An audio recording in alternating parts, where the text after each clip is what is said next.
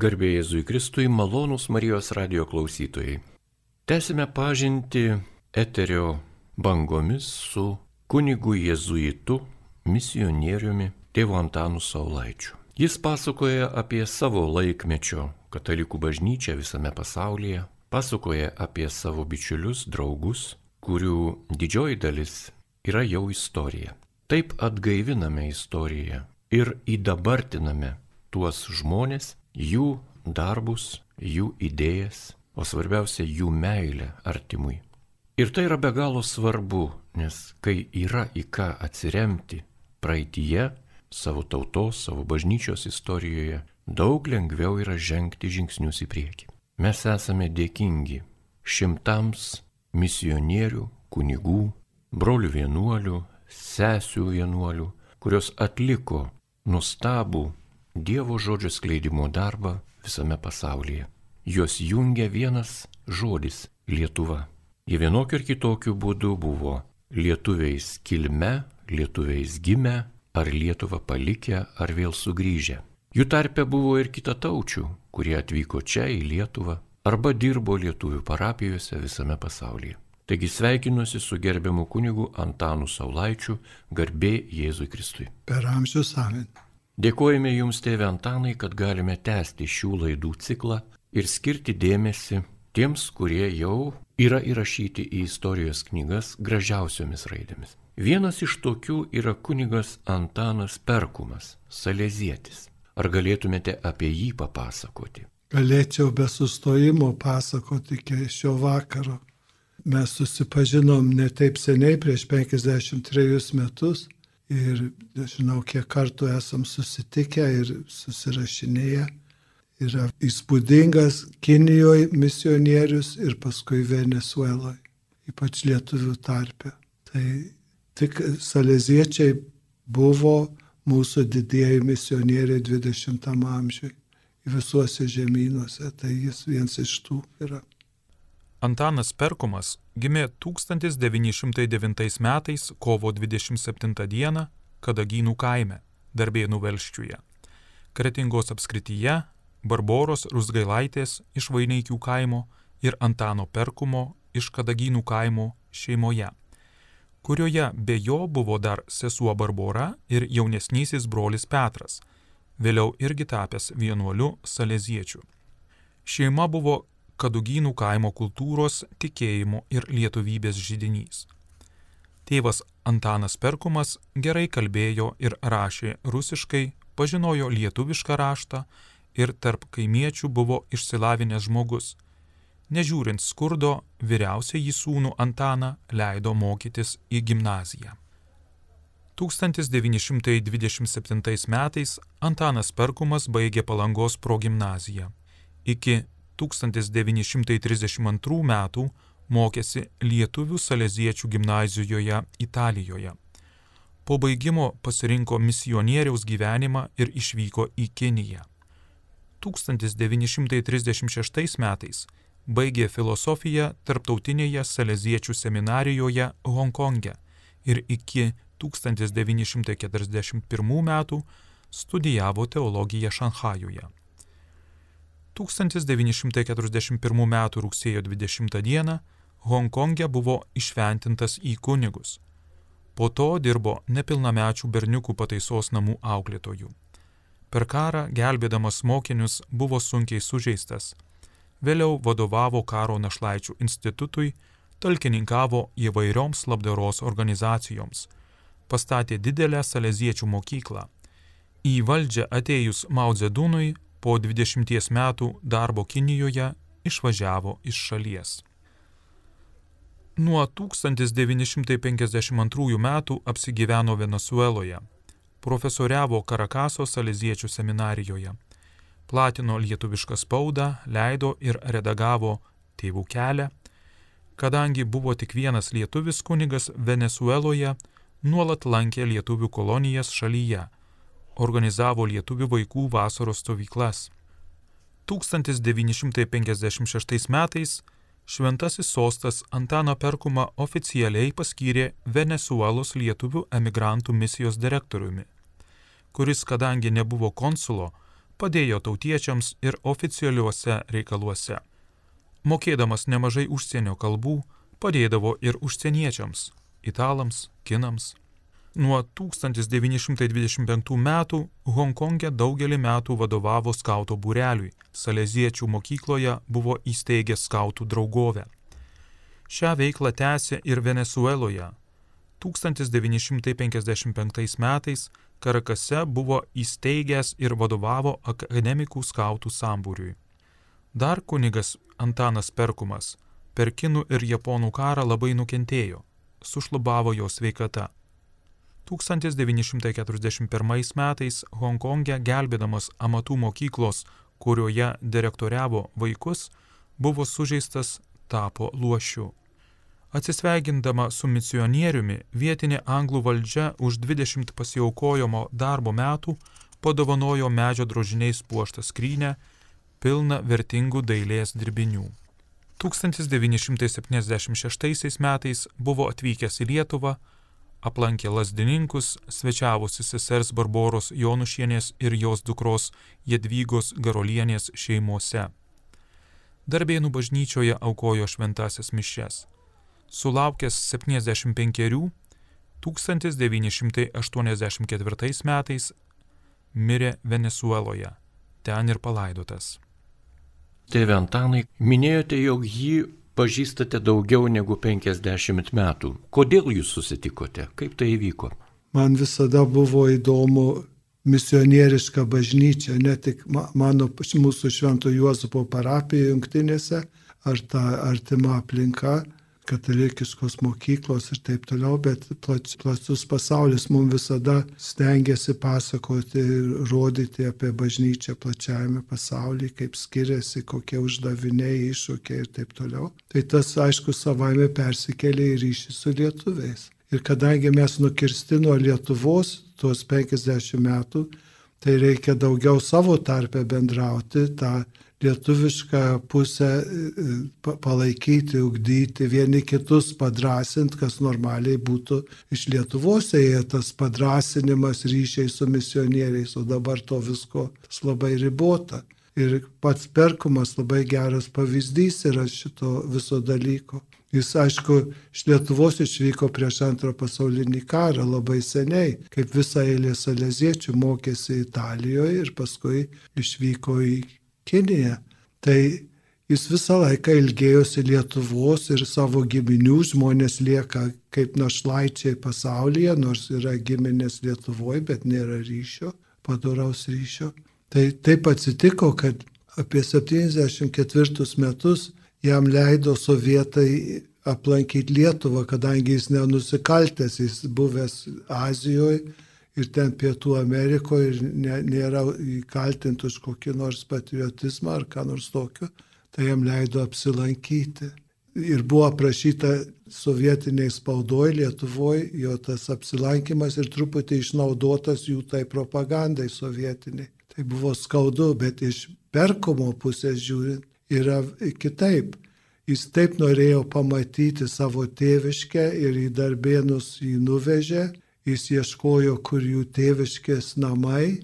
Ir kaip Bernardo Braždžiono poezijoje rado slengsti namų pelenuos. Tik slengsti jokio namo, vienintelis dalykas buvo viena obelis likusi. Ir čia buvo ruduo, toje obely kabėjo vienas toks jau apdžiūvęs rudas obolys, jis tą nusiskynė ir prieš visus įstatymus, kad negalim vežti valgomų dalykų, atsivežė į Venezuelą ir ateini į jo kambarį, jo kaip ir svetainę ir tokia lentyna prie sienos ir ant jos padėtas tas sudžiūvęs mažas oboliukas. Tai vienintelis dalykas, kurį iš savo tėviškės turėjo. Tai toks labai graudus atvejis. Ir ačiū Dievui, kad jo giminės yra dabartiniai giminės Perkuma yra samoningi ir jie išleido knygą apie visą giminę, įskaitant ir apie tėvą Antaną Perkumą. Jūsų paminėtas sudžiūvęs oboliukas iš darbėnų. Iš darbėnų jis nukeliavo tiek toli ir tam žmogui tas toks paprastas niekutis, ką mes koją paspirėme, buvo labai svarbus. Tai kalba apie patį Antaną Perkumą. Jis buvo jautrus žmogus. Labai jautrus. Jam turėjo skaudėti stipriai. Atsiskyrė nuo tėvų, kai tėvai dar buvo apjauniai, jis pats jaunas į seminariją ten nei 20 metų ir staiga viskas yra aukštinkojom. Jūs su kunigu Antanu daug kalbėdavotės. Kokias temas mėgo jis ir kokias temas jūs paliesdavote? Tai jis buvo pirmas misionierius užsieniuose, neskaitant jungtinių, kurį aš aplankiau. Aš dar net nebuvau kunigas, buvau jezuitų seminarijoje. Ir aš išbuvau gal savaitę pas jį, paskui buvau kelis kartus, nes krizdavau tokį ratą. Venezuela, Brazilija, Urugvajų, Argentina, Kolumbija. Penkias valstybės ir lietuvius visur lankyti. Tai jis buvo pirmas ir aš išmokau, kiek yra vieniši tokie misionieriai, pavieniai misionieriai. Ir ne aš nustačiau, kad dabar nupasakau apie savo gyvenimą, bet jis pasakoja, kas jam rūpi. Ir žinoma, man viskas vis vien įdomu, tai man jokia skriauda yra. Mes apie vietinę lietuvių sielovadą aišku, apie Kiniją, mūsų jau įprotis pasidarė, aš nežinau, kiek kartų aš pasibuvau, nu nedaug, penkis ar septynis ar kiek kartus. Tai mes visai eidavom į kiniečių restoraną ir jis su padavėju kalbasi kinų kalba. Ir mane mokė, kaip reikia gerti arbatą, taip gerti ir su lūpom taip padaryti ir atsipūsti garsiai, jau kad labai skanu yra ir taip toliau. Ir tiesiog būdavo tokia pramoga, ne tas valgys tik tai, bet tas visas bendravimas. Jis man net ir atrodė kaip kinietis, atrodė siauros akytės. Ir gal taip ir buvo, bet man buvo labai tas visas ryšys jo su Kinija, kuris savo jaunystę praleido ir kuris buvo tikras didvyris, išgelbėjo 80 berniukų, išvedė per kalnus, kai buvo maoistų revoliucija 49, tai jis per karą juos išvedė iš bendrabučio per kalnus ir pats buvo sužeistas į koją, visą gyvenimą buvo taip šlubavo truputėlį ir visi berniukai liko gyvi, buvo išgelbėti. Tai čia jau yra, yra aprašyta kažkur jau labai smul, daug smulkiau negu aš žinau. Ir paskui mes kalbėdavom ir apie vietinę sielovadą ir kaip su lietuviais, kurie išsibarstė Venezueloje, kaip ir visur kitur, Venezueloje, trijose, keturiuose miestuose. Ir tos bendruomenėlės jis lankydavo kas mėnesį. Marakai, Valencija, žinoma, Karakase buvo jo būstinė, pastatė lietuvių centrą, tokį nedidelį, bet užteko choro repeticijom, tautinių šokių repeticijom, susirinkimam bibliotekėlė Lietuvių centras ir jis ten gyveno, o taip už nugaros, už aplink kampą buvo seselių saleziečių mokykla, kurios kapelionų jis buvo. Taip tarnavo tai pačiai, su ta pačia vienuolyje ir kaip ir prisiglaudęs su lietuvių tą visą globą. Daugybė dešimtmečių. Tėve Antanai, jūs paminėjote, kad tuo metu, kai kunigas Antanas Perkumas atvyko į Lietuvą, sovietų valdžia pasinaudojo. Ar buvo koks rezonansas, ar buvo pasipiktinusių žmonių, kad jisai kaip ir bendradarbiauja su sovietais ir ką kita? Taip, žinoma, visada būna vien tik tai susitikti, užsienį susitikti su žmogumi iš Lietuvos anais laikais jau įtartina, kad tu esi tenai kažkaip palankiai. O taip kaip sovietai, jiegi moka taip parašyti, geriau už mus moka parašyti. Gali taip susukti, kad visiškai ko nebuvo aprašyti labai patraukliai savo tikslam. Tai, tai irgi žiūrėjau, kad jį koks naivuolis ir visa kita. O kai žinai, pažįsti žmogų ir matai, tą, žinai tą visą istoriją ir supranti, tai kitaip atrodo. Tęsėme pokalbį apie kunigus misionierius ir juos pažinti mums šiandien šioje laidoje, kaip ir kitose, prieš tai ir vėliau būsiančiose, padeda kunigas Antanas Saulaitis, taip pat misionierius, jėzuitas.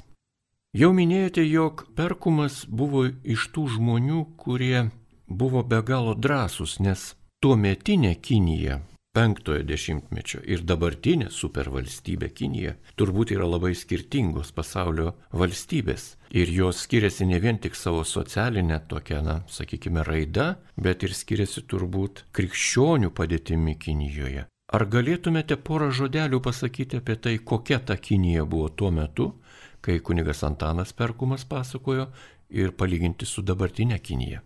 Jiegi buvo nu, sakytum, laisva šalis, Kinija savo kultūrą ir visą kitą Azijos kultūrą, bet kai raudonieji pradėjo užimti, tai tada pasidarė, nu, kaip ir sovietinė valstybė, komunistinė, jų, jau jų pagal jų visą, kaip jie tą įkūnėjo ir tada mažėjo ta laisvoji dalis, kaip mes, tas viskas yra istorijose, kur ne tik tai katalikai, bet iš viso vakariečiai buvo ir žudomi ir, ir kalėjimuose ir taip toliau. Tai pamažu traukėsi, traukėsi iki Hongkongo, kuris dabar jau irgi yra užimtas, jau vis kiekvieną dieną vis pilniau dinksta bet kokios laisvės. Tai ir čia buvo proga išgelbėti žmonės ir tie misionieriai, ne tik tai perkomės, bet mūsų ir urbaitis, irgi salėzietis, irgi išvyko iš Kinijos, kadangi nebebuvo įmanoma tais laikais dirbti, buvo per daug pavojinga. Ar pokalbėse su kunigu Antanu jūs kalbėdavote apie jo išvykimą iš Kinijos? Ar jis pasakojo motyvus, priežastis, detalės, smulkmenas? Ne, tik tai aš tik galėčiau nusiminti, kad jis liko daugybė kunigų, kurie negalėjo dirbti savo darbo Kinijoje. Ir Hongkongė turbūt užteko, arba Makau ir taip toliau, tai tada jie išvyko į kitas misijas. Ir, ir Sabaliauskas buvo Indijoje, man atrodo, iš Salėziečių jis atvyko į jungtinės dirbti į Venezuelą, paskui po jo perkomas į Venezuelą.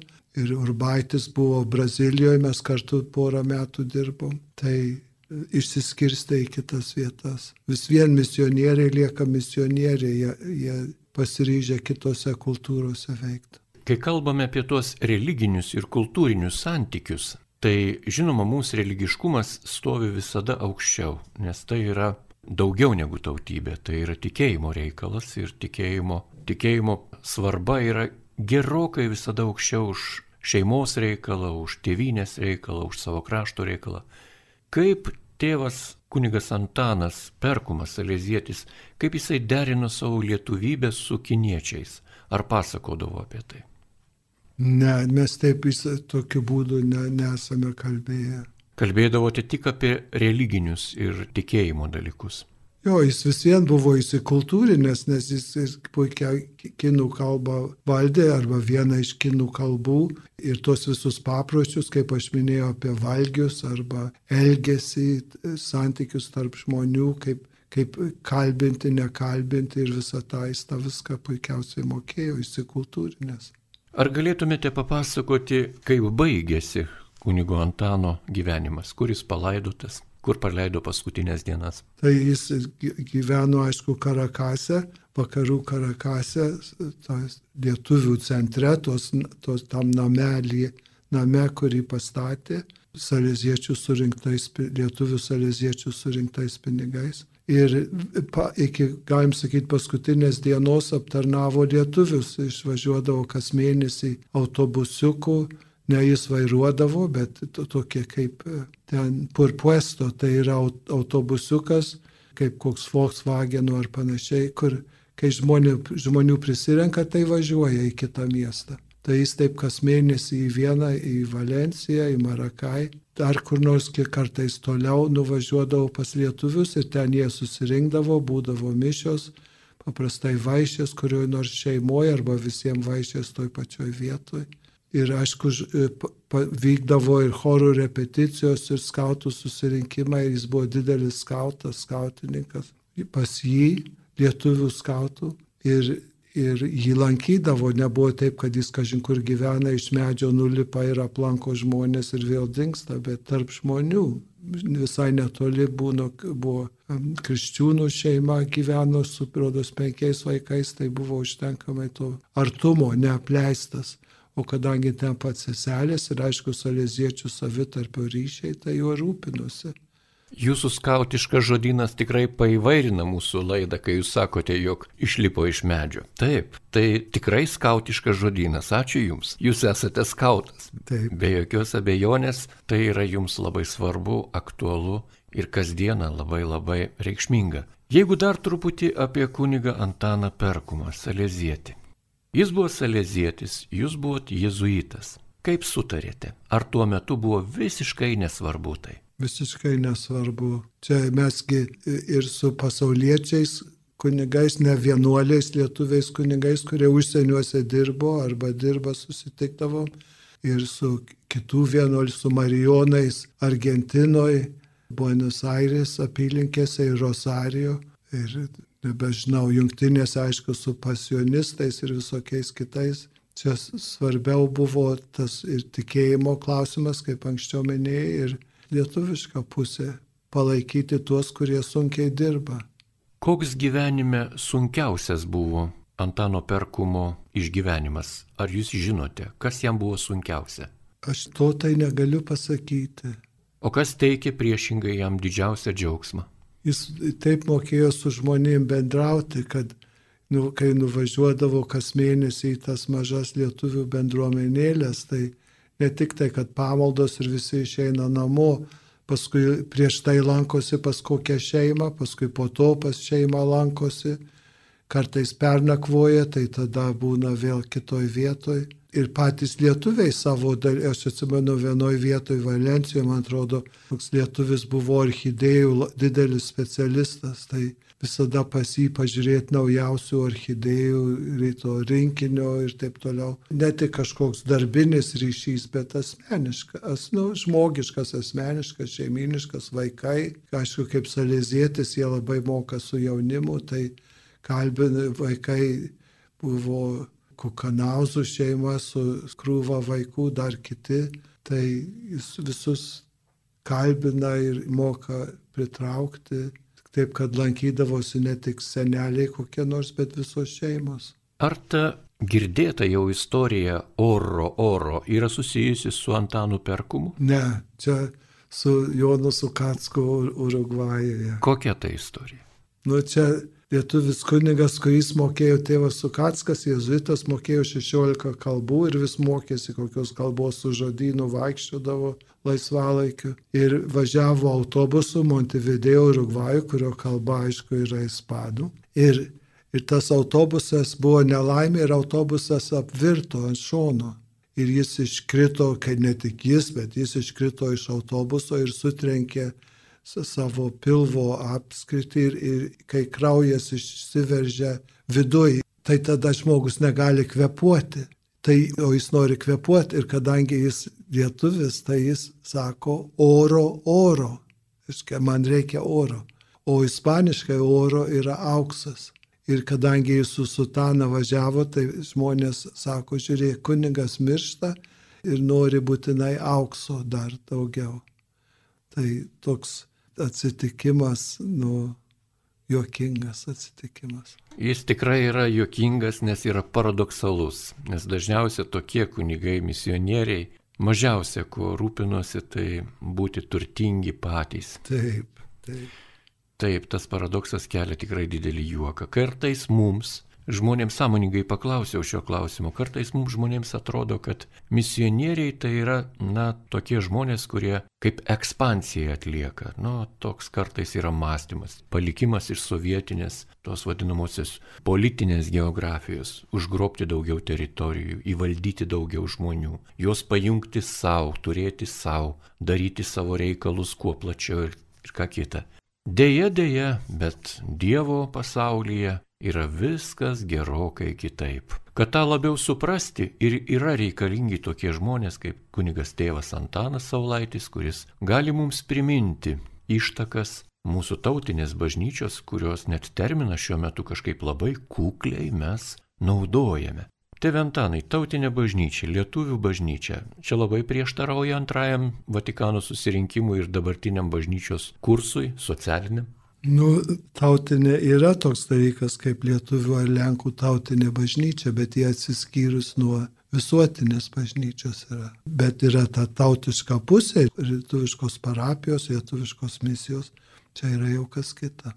Taip, apie tą kas kitą ir norėtųsi dar pakalbėti. Ar tuo metu, kai jūs atlikote misiją, žmonėms buvo svarbu, kad jūs esate lietuvis, o, sakykime, ne vokietis, ne austras ar prancūzas? Tai mūsų tas ir buvo ryšys, kai mes dirbom Brazilijoje, tai mes patarnaudavome iš esmės lietuvių kilmės žmonėm. Tai reikėjo ir kalbos, ir, ir žmonės džiaugiasi lietuviškom knygom ir plokštelėm, tais laikais dar buvo plokštelės muzikai, arba mes redagavom ir leidom laikraštį mūsų Lietuvą kas dvi savaitės. Tai buvo tas lietuviškas ryšys ir, žmo, ir būdavo parodas rengdavom kartu su Latvijais ir Estais arba kokias nors mūgės lietuviškas šventes, ne tik vasario 16, bet visokias kitas. Tai ta yra dalis mūsų gyvenimo, nėra kas nors atskiro. Jūs girdite laidą, kurioje apie kunigus misionierius pasakoja jėzuitas tėvas Antanas Saulaitis.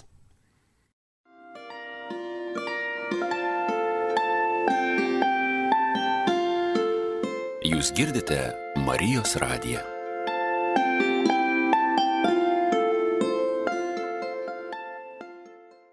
Tęsėme laidą.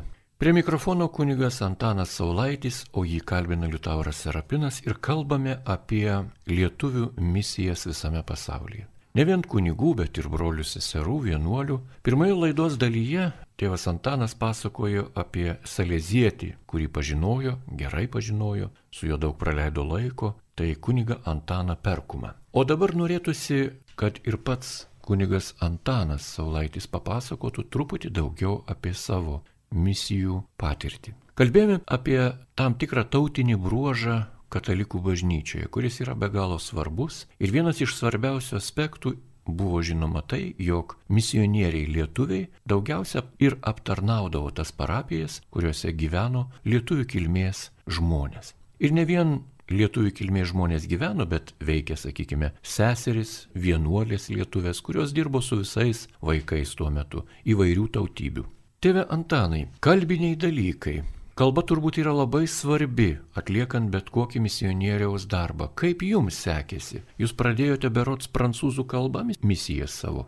Aš gimnazijoje, mūsų gimnazija tik tai turėjau ispaniškai ir prancūziškai, tai mokiausi prancūzų kalbos, aišku, ir tas padėjo, kai juokinga, kai nuvykau į Braziliją, reikėjo mokytis brazilų kalbos, tai aš su savo mokytoju, jauno jezuitu, susišnekėdavau prancūziškai ir tada mes, nes buvo kaip ir Rusijoje XIX amžiuje, taip Brazilijoje buvo mada prancūziškai mokėti. Tai buvo toks ryšys, o paskui išmoksti braziliškai, tai tada jau kalbi vietinę kalbą. Ar studijos, mokėtės filosofijos tuo metu, buvote ir į kitus mokslus įsigilinę šiek tiek, ar kitos studijos jums padėjo greičiau išmokti Brazilijoje naudojamas kalbas? Aš nežinau, aš, aš iš karto pradėjau dėstyti. Nu, aš atvykau prieš vasarą, kovo mėnesį prieš šiaurės tą vasarą, prieš žiemos pertrauką Brazilijoje. Tai po žiemos pertraukos, po Liepos mėnesio jau reikėjo dėstyti man universitete, fakultete. Tai aš turėjau labai greitai susisukti ir išmokti užtenkamai kalbos, kad gal, būtų galim susišnekėti ir dėstyti ir man studentai padėdavo rašto darbus taisyti, paruošė, su studentų pagalba tris vadovėlius paruošėm apie mokslinius klausimus, taip vadinasi tas dalykas. Tiksliųjų mokslų filosofiniai klausimai. Tuo metu neturėjote net vadovėlių, ką jau kalbėti apie pratybų sąsiuvinius, kaip tai, sukotės tuo metu. Tai tas ir yra, mes, aš ruošiau, studentai padėjau ir turėjom dar vienas studentas, buvęs studentas ir didelis mano draugas neseniai parašė, kad jis jis anukėlius, anukėlius prižiūrėjo, tuo tarpu savo popierių žiūrėjo ir rado dar vadovėlius iš anų laikų 70-72 metų, tai čia prieš istoriniai laikai. Tai jums kalba nebuvo didelis barjeras? Ne, kaip tik vartai į bendravimą su žmonėm ir buvo labai juokinga, nes mano mokytojas buvo jezuitas iš šiaurės rytų Brazilijos, o aišku, mes gyvenom pietuose Brazilijos, kuri truputį kalbama kitaip.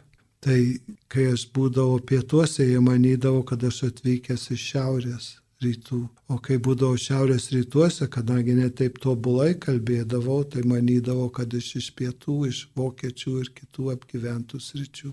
Savo atminimuose jūs labai gražiai aprašote susitikimą su jėzuitu istoriku Artūro Rabuskė. Taip. Kas jis toks buvo? Jezuitai turi univer, keletą universitetų Brazilijos šiaurės rytuose, Rio de Janeiro, pietuose, San Leopoldo prie, prie Porto Alegre, jau artėjant prie Argentinos ir Urugvajaus ir Paragvajaus. Ir tame universitete tėvas Rabuski buvo istorikas ir kadangi aš ten lankydavau lietuvius, turėjom ir posėdžius lietuviškų, tai aplankydavau ir jėzuitus ir jo klausiau apie lietuvius XIX amžiui tuose apylinkėse ir prisiklausiau, prisidavęs daug medžiagos ir galėčiau pusę dienos pasakot apie lietuvius 890 metais ir nuo to laiko. Ir buvo labai malonus parūpinti tuos šaltinius ir visokius nuotikius aprašyti. Pirmo pasaulinio karo vokiečiai Sibirė ir Urale. Rabuskė buvo iš ten? Ne, jis jau gimęs Brazilijoje. Jo pirmieji migrantai atvyko 1825 ir ne, ne tiek iš Vokietijos, gal iš pietryčių Vokietijos, bet ir tiesiai iš Rusijos, iš Rusijos imperijos. Sužinojo, kad yra žemės didžiuliai plotai ir tada iš, iš beveik iš Sibiro vykdavo ir aš spėjau, kad buvo lietuvių, kurie su jais atvyko, kurie buvo ištremti, sakysim, 63 metais ar kada ir jeigu buvo prie vokiečių su jais kartu atvyko, aš nesu tikras, bet čia yra kas, kaip man atrodo.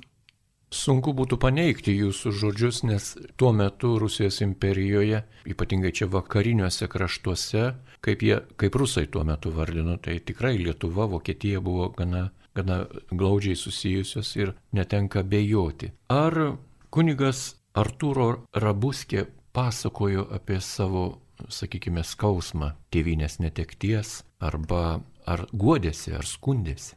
Ne, mes niekada apie tą jo paties kilmę nekalbėjom, kadangi man rūpėjo ta lietuviška pusė, tai nebuvo taip, kad turėjom daugybę laiko kalbėti, taupiau žodžius ir laiką sužinot kuo daugiau apie lietuvių, tas pirmasias kolonijas Brazilijoje, kai jie kirto miškus ir steigė miestelius ir kaip kokie ryšiai su bažnyčia, kaip viskupas lankydavo juos ir, ir dešimties metų berniukas vertėjaudavo viskupui, ko šiandieną mes turbūt nematytume. Tais laikais atrodė visiškai normalu, eilinis būdas bendrauti. Na, gal nenormalu, kad tuo metu, kai berniukas vertė dešimties metų, audra stogą nuplėšė bažnyčią. O, čia, čia labai graži istorija.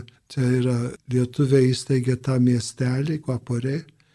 Ir buvo taip pat ir Lenkų bendruomenė. Pastatė koplyčią iš, iš rastų ir šiaudinis stogas, palmių lapų stogas. Ir kunigas, kuris pravedė, jis mokėjo vengriškai, vokietis kunigas Lasberg mokėjo vokiškai, lietuviškai, lenkiškai ir vengriškai. Išmoko tuose šalyse, jis slaptai lankėsi tuose trijose šalyse čia rytų Europoje. Ir buvo mišios, užėjo baisė audra, nešė stogą, o kaip tik lietuviai tuo metu gėdojo savo giesmę, nežinau kokią.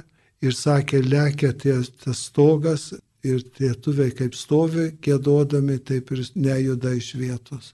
Kiti slėpėsi po suolais, o jie stovėjo. Ir jis labai gražiai savo tėvam į Vokietiją prašydavo lietuvių dainas. Taip norėtųsi, kad kas nors iš mūsų, nu, istorikų ar mokslininkų, ar kas ten patirinėtų tuos dalykus labiau, ką nors pasakytų apie, apie mus pačius padėti save gerai suprasti, kai esam kitoje vietoje. Priminsiu, jog kalbame apie jėzuitą Artūro Rabuskę. Ir apie jį pasakoja kunigas Antanas Saulaitis. Savo atminimuose jūs rašote ir gana tokius keistus dalykus. Aš juos priminsiu. Ir paprašysiu, kad jūs pakomentuotumėte. Jūs rašote, kad būdavo tokių savaitgalių, kai reikėdavo talkinti parapijai, kad ir labai puikiai sutvarkytai, ir septyniarios mišios buvo visai normalu. Čia jūs juokaujate ar rimtai kalbate? Ne, ne, ne, per, ne per dieną, bet per savaitgalį. Per savaitgalį, šeštadienį, sekmadienį. Penktadienį vakare, nu, septynis miestelius aptarnauti. Tai buvo nepaprastai malonu. Maloni proga čia vokiečių kilmės žmonių apgyventos rytis, ne lietuvių. Ir penktadienį vakarės, sekmadienį, šeštadienį rytą apie pietus ir vakarop ir sekmadienį rytą apie pietus ir vakarop. Ne tik mišios, kur ateini ir išlėki, bet po mišių vaišės laukia žmonės užkandžiauja, valgo tikri pietus su bulvėm ir mėsom ir su visa kita, žiūrint koks dienos laikas. Ir pasiskirstę, kas vyną spaudžia, vieną, Vieną savaitę viena šeima spaudžia vyną, ten 8 valandos mišiom ar 9, kitą savaitę kita šeima atneša savo vyną mišiom. Ir žmonės gėda visą bažnyčią, kad kaip priklauso, ne taip kukliai, kaip mes susilaikome bažnyčioje nuo didelio gėdojimo, o jie visa bažnyčia, nereikia ten nertis iš kailio ir visokie komitetai, kur sutvarko viską. Tai tiesiog nu, yra trejos mišios, tai nėra piragai, bet yra taip miela, kad po septynių tų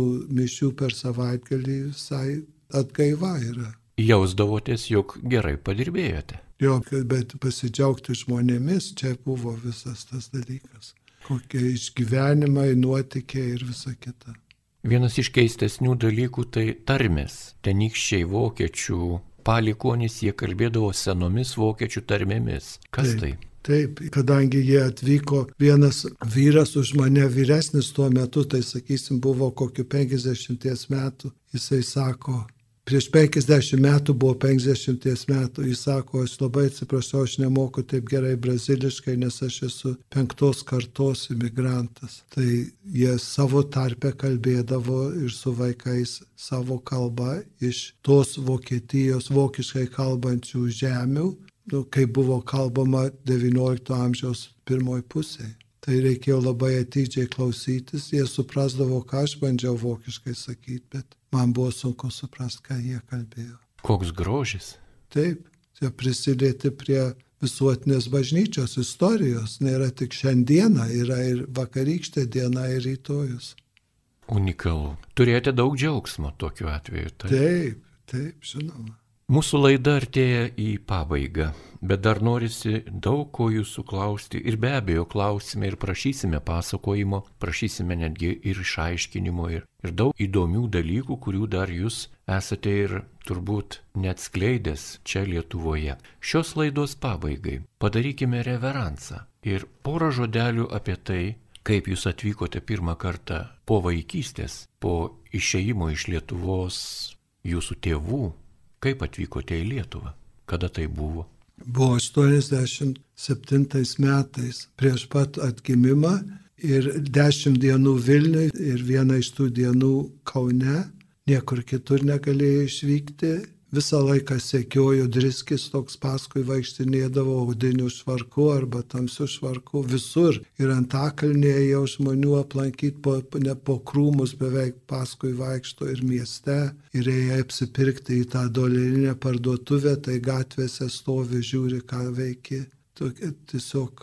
Ir mačiau tą dar spalio revoliucijos plakatų ir visą tą paradą dabartiniam Gedimino prospekte ir atsimenu, kad paskutinis tas vežimas buvo tokia patranka, kur sėdi tas kareivėlis tokio žemoj sėdiniai, važiuoja paskui tą patranką ir kur nors iš Uzbekijos ir galvoju, vargšas berniukas toli nuo savo namų, kam jis čia turi būti atgrūstas ir sėdėti prie patrankos. Tokia ta visa tragedija sovietizmo, tos skriaudos. Bet sutikau tevelių pažįstamus ir kitus žmonės, kurie kokį nors ryšį turėjo, su jezuitais susitikom, taip, sakykime, paslapčiomis. Tai buvo nepaprasta ir labiausiai aš mėgau vakare 11 val. iš tos viešbučio 22 aukštų netoli Švento Rapolo bažnyčios mėgdavau nueiti į katedros aikštę. Ir kaip tik toksai rūkas būna, kaip tose knygoje katedra. Koks buvo jūsų atvažiavimo tikslas? Jūs atvažiavot tik pasižiūrėti, pasižvalgyti, ar tai buvo jau su jėzuitais tėvais sutartas tam tikras darbo startas. Ne, pradžia. ne, nebuvo sutarta. Buvo tik apsilankyti Lietuvoje. Anksčiau neduodavo vizos, o tas įk su tokia ekskursija iš visai kito miesto, kur aš anksčiau buvau dirbęs iš Bostono, su grupe kažkaip išėjau gauti vizą ir tada galėjau aplankyti Lietuvą. Turbūt nusivylėte. Visai nenusivyliau. Ką jūs sakot? Negali būti. Aš jau tai puikiai žinojau, kaip yra Lietuvoje, mesgi sekdavom viską.